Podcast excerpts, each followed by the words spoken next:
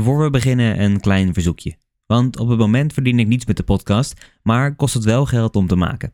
Mocht je waarderen wat ik doe en de podcast willen steunen, dan kun je een eenmalige of terugkerende donatie doen via de link in de beschrijving of op www.verhalenwoordslapengaan.com doneren. Je kunt van elke mogelijke betaalwijze gebruik maken en zo kan ik weer een jaartje de podcast in de lucht houden en af en toe een weggeefactie van een mooi boek houden. Maar goed, dan heb ik voor nu genoeg gebedeld. Heel veel luisterplezier.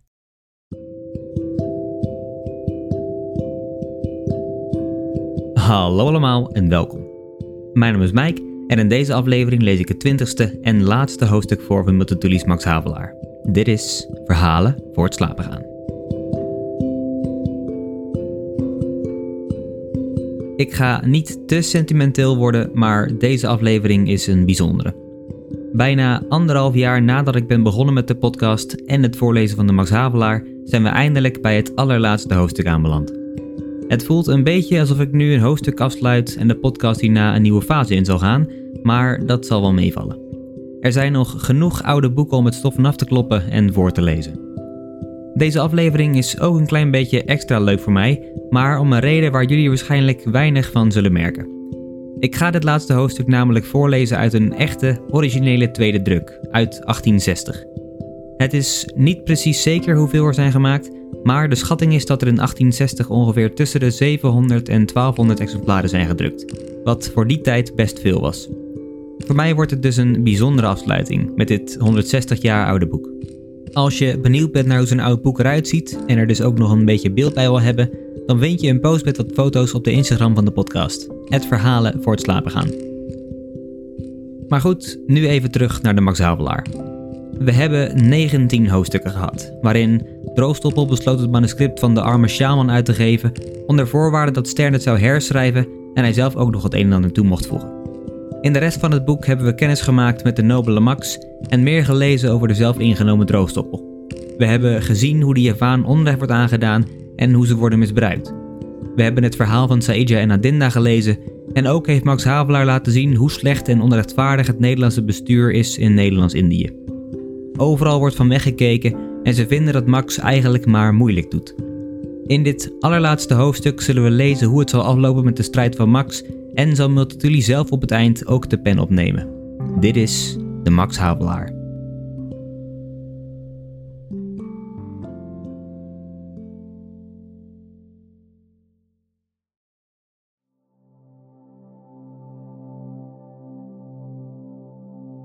Twintigste hoofdstuk. Het was avond. Tine zat te lezen in de binnengalerij en Havelaar tekende een borduurpatroon. Kleine Max toverde een legprent in elkaar en maakte zich driftig, omdat hij niet vinden kon het rode lijf van die mevrouw. Zou het nu zo goed wezen, Tine? vraagde Havelaar. Zie, ik heb nu die palm wat groter gemaakt. Het is juist The Line of Beauty van Hogarth. Ja, Max, maar die vetergaten staan te dicht op elkaar. Zo? En die andere stroken dan? Max, laat mij uw broekje eens zien. Heb je die strook aan? Ach, ik weet nog waar je die geborduurd hebt, Tine. Ik niet. Waar dan? Het was in Den Haag, toen Max ziek was. En wij zo geschrokken waren omdat de dokter zeide dat hij een zo ongewoon gevormd hoofd had. En dat er zoveel zorg vereist werd om aandrang naar de hersenen te voorkomen. Toen waart ge bezig aan die strook. Tine stond op en kuste den kleine. Ik heb haar buik, ik heb haar buik, riep deze vrolijk. En de rode mevrouw was compleet. Wie hoort daar een tontong slaan? vraagde de moeder. Ik, zei kleine Max. En wat beduidt dat? Bedtijd, maar ik heb nog niet gegeten. Eerst krijg je eten, dat spreekt vanzelf. En zij stond op en gaf hem zijn eenvoudig maal, dat ze scheen gehaald te hebben uit een goed geslotene kast in haar kamer, want men had het knippen van vele sloten gehoord. Wat geeft ge hem daar? vraagde Havelaar. O, wees gerust, het is beschuit uit een blik van Batavia, en ook de suiker is altijd achter slot geweest. Havelaars gedachten keerden terug naar het punt waarop zij waren afgebroken. Weet ge wel, ging gij voort, dat wij de rekening van die dokter nog niet betaald hebben? Oh, dat is zeer hard. Lieve Max, wij leven hier zo spaarzaam. Weldra zullen wij alles kunnen afdoen. Bovendien, gij zult wel spoedig resident worden, en dan is alles geregeld in weinig tijd. Dat is nu juist ene zaak die mij verdrietig maakt, zei de havelaar. Ik zou zo ongaarne Lebak verlaten. Ik zal u dat uitleggen. Gelooft ge niet dat wij nog meer van onze Max hielden na zijn ziekte? Nu, zo schijnt het mij ook dat ik dat arme Lebak zal liefhebben na de genezing van den kanker waaraan het lijdt sedert zoveel jaren. De gedachte aan bevordering doet mij schrikken. En toch, aan de andere kant, als ik weer bedenk dat wij schulden hebben. Alles zal wel goed gaan, Max. Al moest gij nu van hier, dan kunt ge later Lebak helpen als gij gouverneur-generaal zijt. Daar kwamen wilde strepen in Havelaars borduurpatroon. Er was stoorn in dat bloemsel. Die vetergaten waren hoekig, scherp, ze beten elkaar. Tine begreep dat ze iets miszegd had. Lieve Max, begon zij vriendelijk. Vervloekt! Wilt gij hen zo lang laten hongeren? Kunt gij leven van zand? Lieve Max! Maar hij sprong op. Er werd niet meer getekend die avond. Hij ging op en neder in de binnengalerij en eindelijk sprak hij op een toon die ruw en hard zouden geklonken hebben aan iedereen vreemde, doch die door Tine geheel anders werd opgevat. Vervloekt die lauwheid, die schandelijke lauwheid. Daar zit ik nu sedert een maand te wachten op recht en intussen wordt er vreselijk geleden door het arme volk. De regent schijnt erop te rekenen dat niemand hem aandurft. Zie, hij ging in zijn kantoor en kwam terug met een brief in de hand. Een brief die voor mij ligt, lezer. Zie, in die brief durft hij mij voorstellen doen over de soort van arbeid die hij wil laten verrichten door de mensen die hij onwettig heeft opgeroepen. Is dat niet de onbeschaamdheid te ver gedreven? En weet ge wie dat zijn? Dat zijn vrouwen met kleine kinderen, met zuigelingen, zwangere vrouwen die van Parangkujang zijn gedreven naar de hoofdplaats om voor hem te werken. Mannen zijn er niet meer. En zij hebben niets te eten. En zij slapen op den weg en eten zand. Kunt gij zand eten? Moeten zij zand eten tot ik gouverneur-generaal ben? Vervloekt! Tine wist zeer goed op wie Max eigenlijk boos was, als hij zo sprak tot haar die hij zo lief had. En, ging Havelaar voort, dat loopt alles ter mijner verantwoording. Als er op dit ogenblik van die arme wezens ronddwalen daarbuiten en het licht zien van onze lampen, zullen zij zeggen: Daar woont die ellendeling die ons beschermen zou. Daar zit hij rustig bij vrouw en kind en tekent borduurpatroontjes. En wij liggen hier als boshonden op den weg te verhongeren met onze kinderen. Ja, ik hoor het wel, ik hoor het wel, dat roepen om wraak over mijn hoofd. Hier, Max, hier. En hij kuste zijn kind met een wildheid die het verschrikte. Mijn kind, als men u zeggen zal dat ik een ellendeling ben die geen moed had om recht te doen, dat er zoveel moeders zijn gestorven door mijn schuld als men u zeggen zal, dat het verzuim van uw vader den zegen wegstal van uw hoofd. O Max, o Max, getuig dan wat ik leed. En hij berstte in tranen, die Tine afkuste. Zij bracht daarop kleine Max naar zijn bedje, een stroommat. Toen zij terugkwam vond ze Havelaar in gesprek met Verbrugge en Duclari die zo even waren binnengetreden. Het gesprek liep over de verwachte beslissing van de regering. Ik begrijp zeer goed dat de resident in een moeilijke positie is, zei de Duclari. Hij kan het gouvernement niet aanraden gevolg te geven aan uw voorstellen, want dan zou er te veel aan den dag komen. Ik ben reeds lang in het Bantamse en weet er veel van, meer nog dan gij zelf, mijnheer Havelaar. Ik was reeds in deze streken als onderofficier. En dan komt men zaken te weten die de inlander zo niet durft zeggen aan de ambtenaren. Maar als nu, na een openlijk onderzoek dat alles blijkt, zal de gouverneur-generaal den resident ter verantwoording roepen en hem afvragen hoe het komt dat hij in twee jaren niet ontdekt heeft wat u terstond in het oog is gevallen. Hij moet dus trachten dat onderzoek te voorkomen. Ik heb dit ingezien, antwoordde Havelaar en wakker gemaakt door zijn poging om den Adipati te bewegen iets tegen mij in te brengen, hetgeen schijnt aan te tonen dat hij beproeven wil de kwestie te verleggen, door bijvoorbeeld mij te beschuldigen van ik weet niet wat. Heb ik mij hiertegen gedekt door afschriften van mijn brieven te zenden rechtstreeks aan de regering. In een dier brieven komt voor een verzoek om te worden geroepen ter verantwoording als er misschien mocht worden voorgegeven dat ik iets misdaan had. Als nu de resident van Bantam mij aantast, kan daarop in gewone billijkheid geen beslissing worden genomen, zonder dat men mij vooraf heeft gehoord.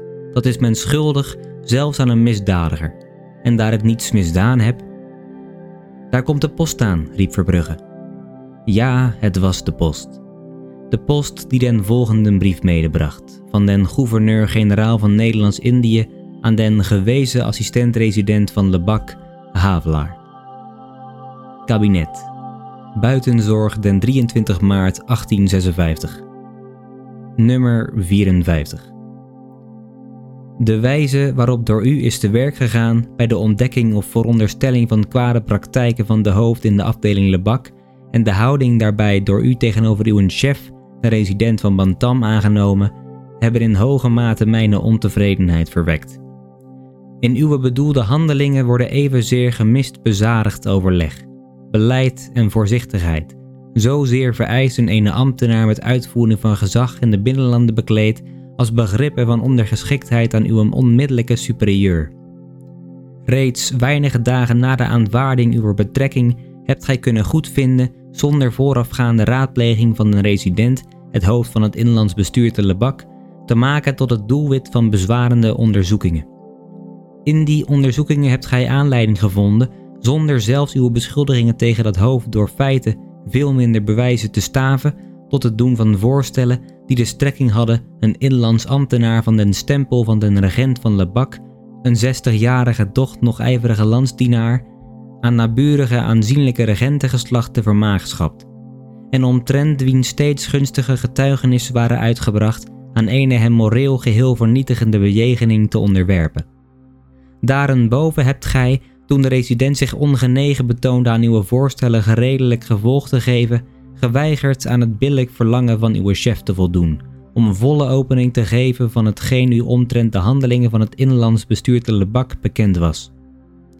Zulke handelingen verdienen alle afkeuring en doen lichtelijk geloof aan ongeschiktheid voor het bekleden ener betrekking bij het binnenlands bestuur. Ik heb mij verplicht gezien u van de verdere vervulling der betrekking van assistent-resident van Lebak te ontheffen. Uit aanmerking evenwel van de gunstige rapporten vroeger omtrent u ontvangen, heb ik in het voorgevallene geen reden willen vinden om u het uitzicht op een wederplaatsing bij het binnenlands bestuur te benemen. Ik heb u daarom voorlopig belast met de waarneming der betrekking van assistent-resident van Negawi. Van uw verdere handelingen in die betrekking zal het geheel afhangen of gij bij het binnenlands bestuur zult kunnen geplaatst blijven. En daaronder stond de naam van den man op wiens nijver, bekwaamheid en goede trouw de koning zeide te kunnen staatmaken toen hij dienstbenoeming tot gouverneur-generaal van Nederlands-Indië ondertekende. Wij gaan van hier, beste Tine, zei de havelaar, en hij reikte den kabinetsbrief aan Verbrugge die het stuk las, tezamen met Duclari. Verbrugge had tranen in de ogen, maar sprak niet. Duclari, een zeer beschaafd mens, berstte uit in een wilde vloek.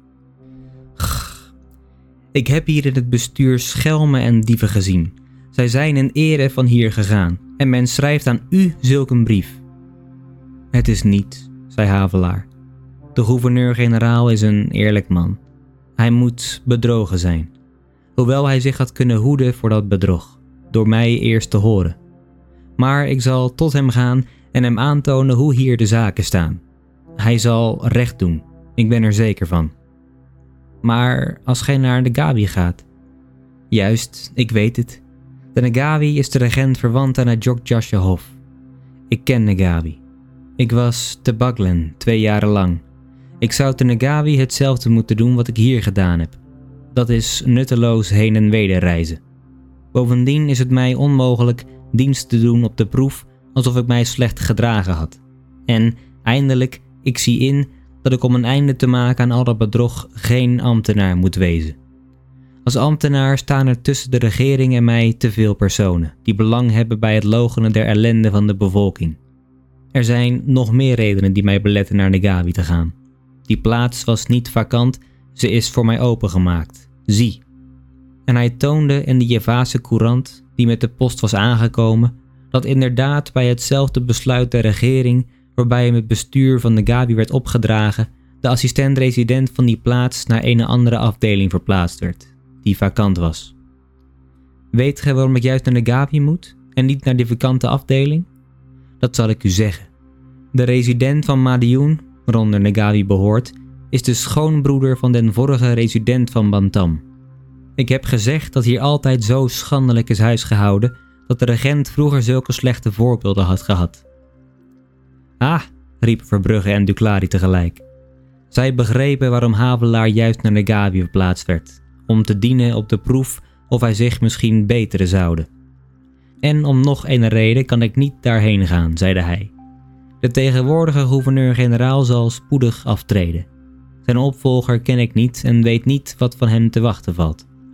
Om dus nog tijdig iets te verrichten voor het arme volk, moet ik den tegenwoordige gouverneur spreken voor zijn vertrek. En als ik nu naar de Gabi ging, waren dat onmogelijk. Tine, lieve Max, gij hebt moed, niet waar? Max, gij weet dat ik moed heb als ik bij u ben. Wel nu. Hij stond op en schreef het volgende request, naar mijn mening een voorbeeld van welsprekendheid. Rangas Betoeng, 29 maart 1856. Aan den gouverneur-generaal van Nederlands-Indië. Ik had de eer te ontvangen uw excellenties kabinetsmissieve van 23 Dezer nummer 54. Ik zie mij genoodzaakt in antwoord op dat stuk uw excellentie te verzoeken mij te verlenen een eervol ontslag uit dienst. Was getekend Max Havelaar. Er was de buitenzorg tot het verlenen van het vervaagd ontslag niet zo lange tijd nodig, als er geen vereiste zijn voor het beslissen om een Havelaars aanklacht kon afwenden. Dit toch had ene maand gevorderd en het gevraagd ontslag kwam binnen weinige dagen te Lebak aan. Goddank, riep Tine, dat gij eindelijk uzelf kunt zijn.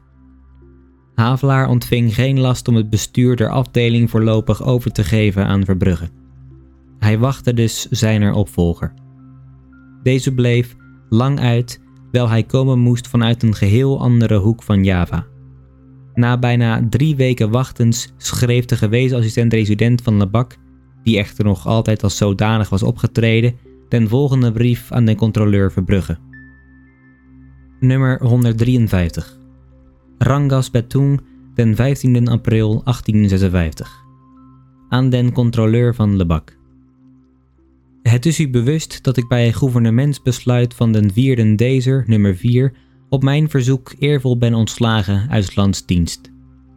Misschien ware ik in mijn recht geweest na de ontvangst die beschikking terstond neder te leggen mij de betrekking van assistent-resident, daar het een anomalie schijnt een functie te vervullen zonder ambtenaar te wezen.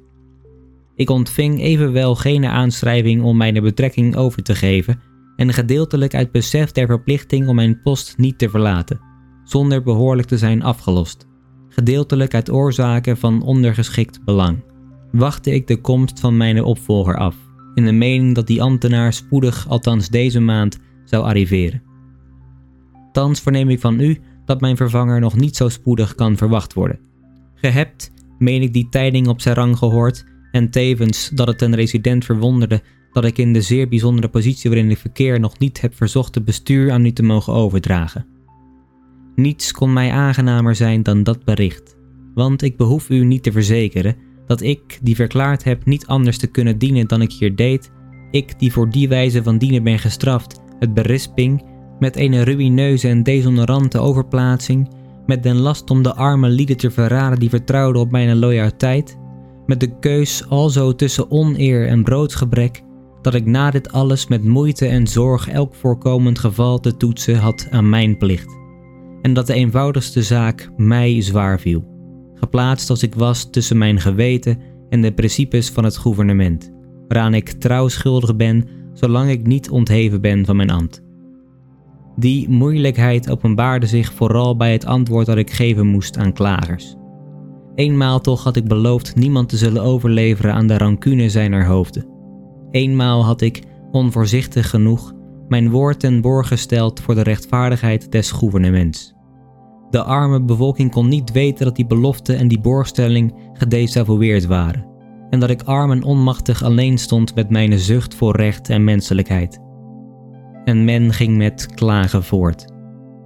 Het was grievend na de ontvangst der kabinetsmissieve van 23 maart daar te zitten als vermeende toevlucht, als machteloze beschermer.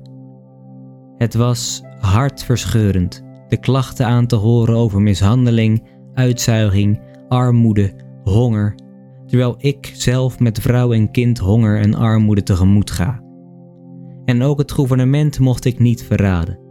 Ik mocht tot die arme lieden niet zeggen: gaat en leid, want het bestuur wil dat gij gekneveld wordt.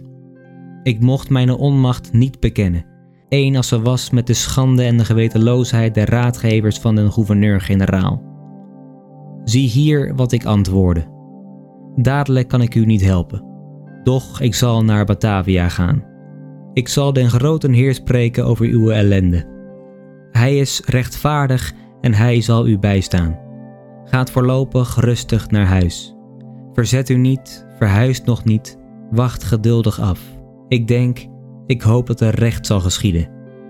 Zo meende ik, beschaamd over de schending mijn toezegging van hulp, mijn denkbeelden in overeenstemming te brengen met mijn plicht omtrent het bestuur dat mij nog deze maand betaalt.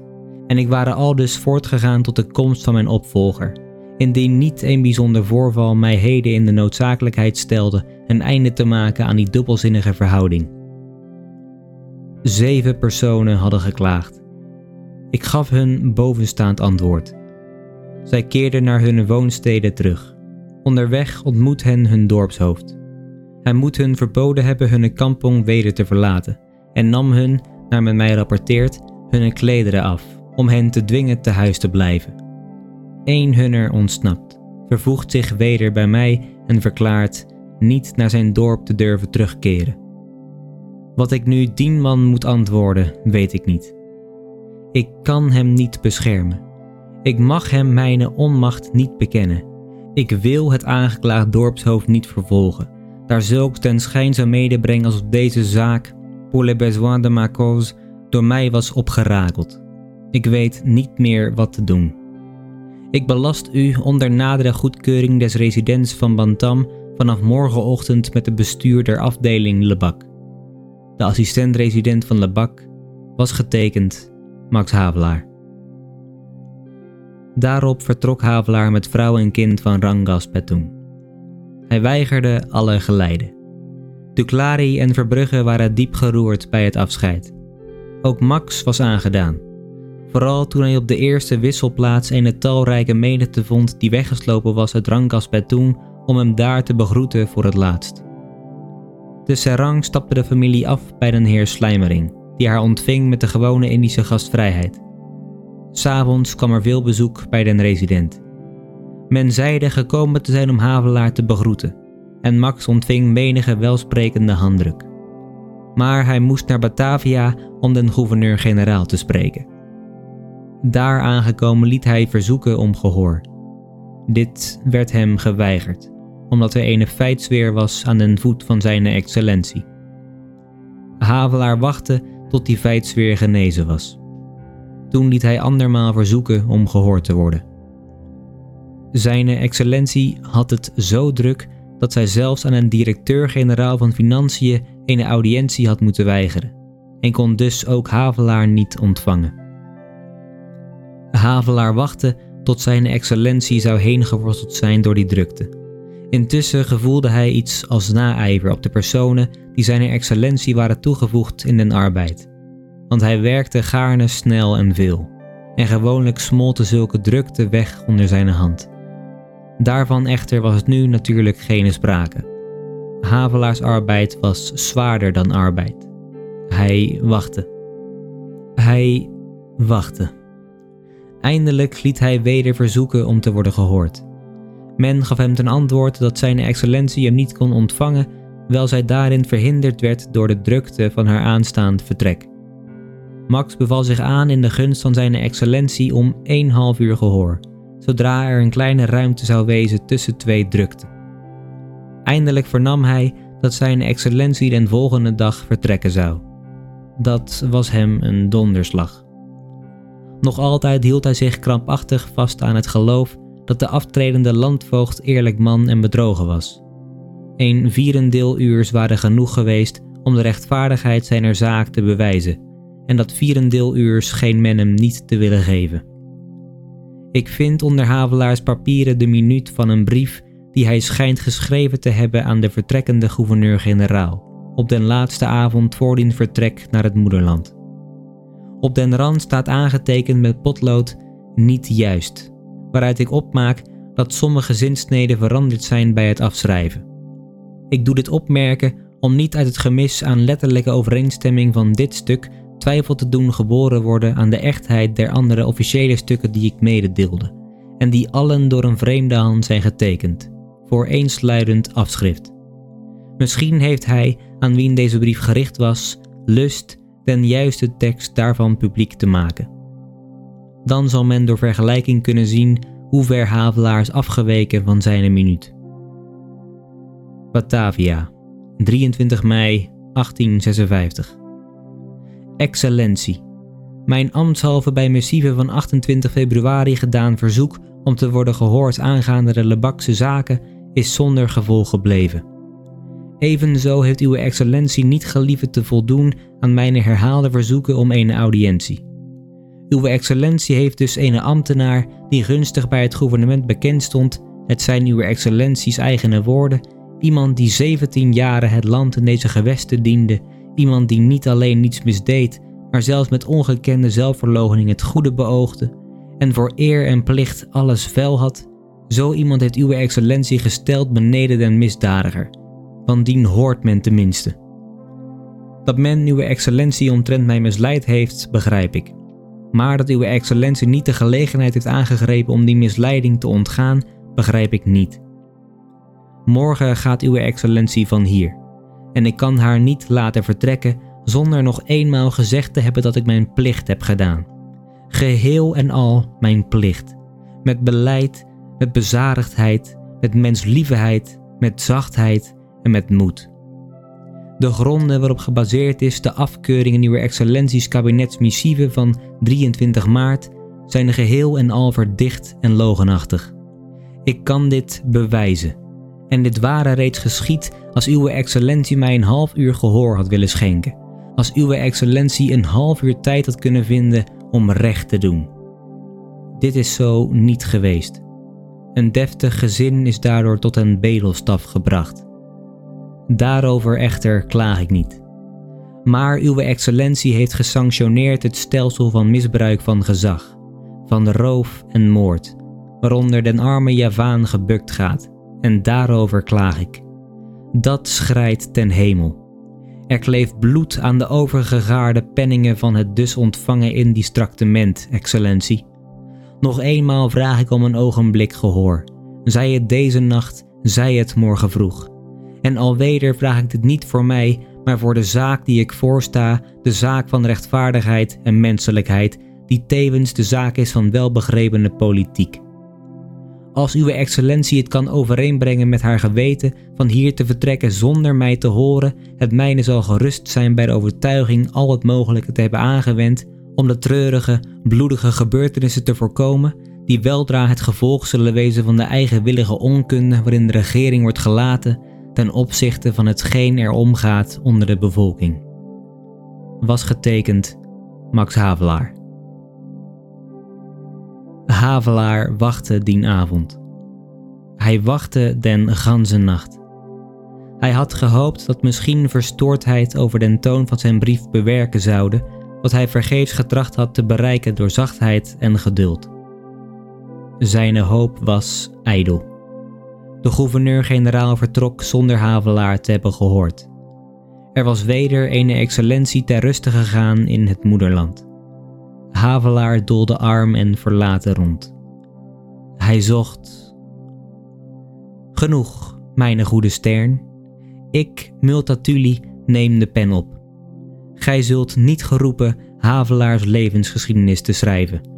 Ik heb u in het leven geroepen, ik liet u komen van Hamburg ik leerde u redelijk goed Hollands in zeer korte tijd. Ik liet u Louise Rosemeijer kussen, die in suiker doet. Het is genoeg, Stern, ge kunt gaan. Die sjaalman en zijn vrouw. Halt, ellendig product van vuile geldzucht en godslasterlijke femelarij. Ik heb u geschapen. Gij zijt opgegroeid tot een monster onder mijn pen. Ik walg van mijn eigen maaksel. Stik in koffie en verdwijn. Ja, ik, Multatuli, die veel gedragen heb, neem de pen op. Ik vraag geen verschoning voor den vorm van mijn boek. Die vorm kan mij geschikt voor ter bereiking van mijn doel. Dat doel is tweeledig. Ik wilde in de eerste plaats het aanzien geven van iets dat als heilige Pusaka zal kunnen bewaard worden door kleine Max en zijn zusje, als hun ouders zullen zijn omgekomen van ellende. Ik wilde aan die kinderen een adelbrief geven van mijn hand. En in de tweede plaats, ik wil gelezen worden. Ja, ik wil gelezen worden. Ik wil gelezen worden door staatslieden, die verplicht zijn te letten op de tekenen des tijds, door letterkundigen, die toch ook eens het boek moeten inzien waarvan men zoveel kwaad spreekt, door handelaren die belang hebben bij de koffieveilingen, door kameniers die mij huren voor weinige centen, door gouverneurs-generaals in rusten, door ministers in bezigheid, door de lakeien van die excellentieën, door bidpredikers die more majorum zullen zeggen, dat ik den almachtige God aantast waar ik slechts opsta tegen den God die zij maakten naar hun beeld. Door de leden der volksvertegenwoordiging, die weten moeten wat er omgaat in het groot rijk over zee, dat behoort tot het rijk van Nederland. Ja, ik zal gelezen worden. Als dat doel bereikt wordt, zal ik tevreden zijn. Want het was mij niet te doen om goed te schrijven. Ik wilde schrijven zo dat het gehoord werd. En even als iemand die roept, houd den dief, zich weinig bekommert over een stel zijner geïmproviseerde toespraak aan het publiek, is het ook mij geheel om het even hoe men de wijze zal beoordelen waarop ik mijn houd den dief heb uitgeschreeuwd. Het boek is bond.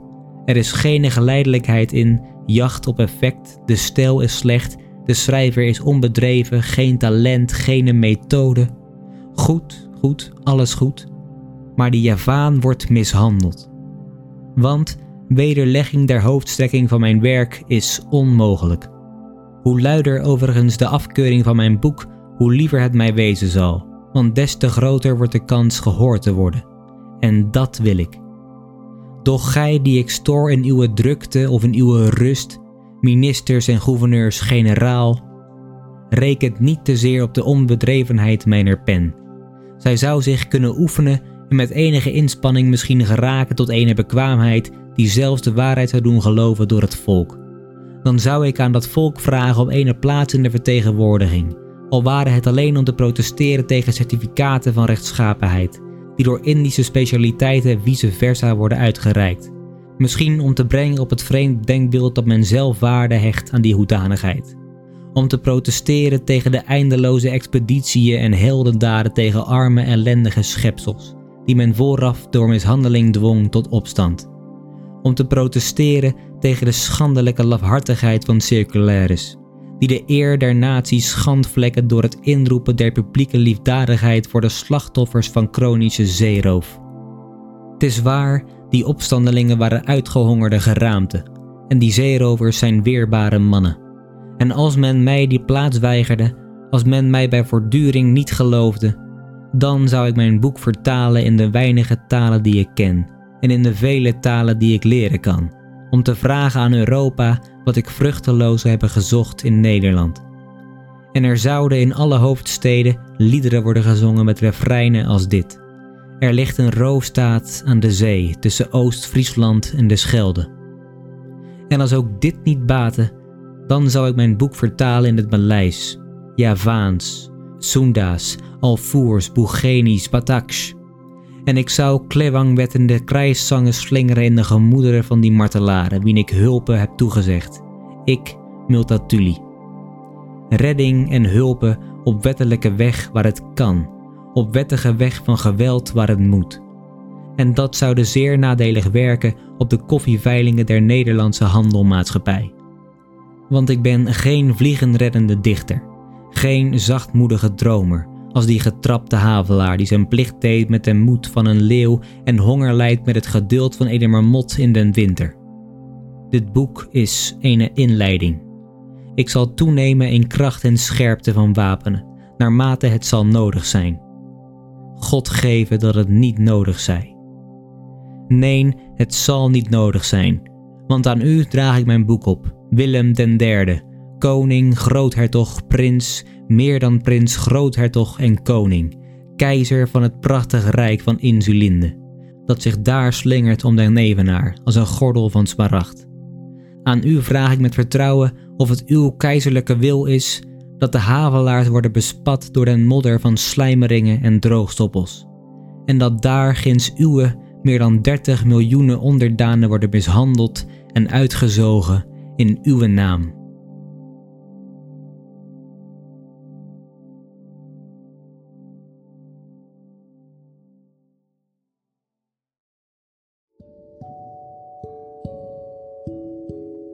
Zo, dat was de Max Havelaar. Het verhaal is klaar, het boek is uit.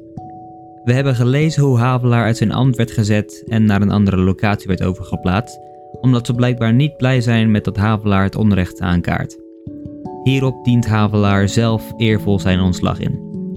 Hij doet nog een laatste poging om zijn verhaal te kunnen doen bij de gouverneur-generaal, maar die negeert hem en laat niets van zich horen, waardoor Max en Tine op straat komen te staan en terug naar Nederland zullen moeten. Vervolgens neemt Multatuli zelf het woord over van Stern en spreekt hij direct de lezer aan.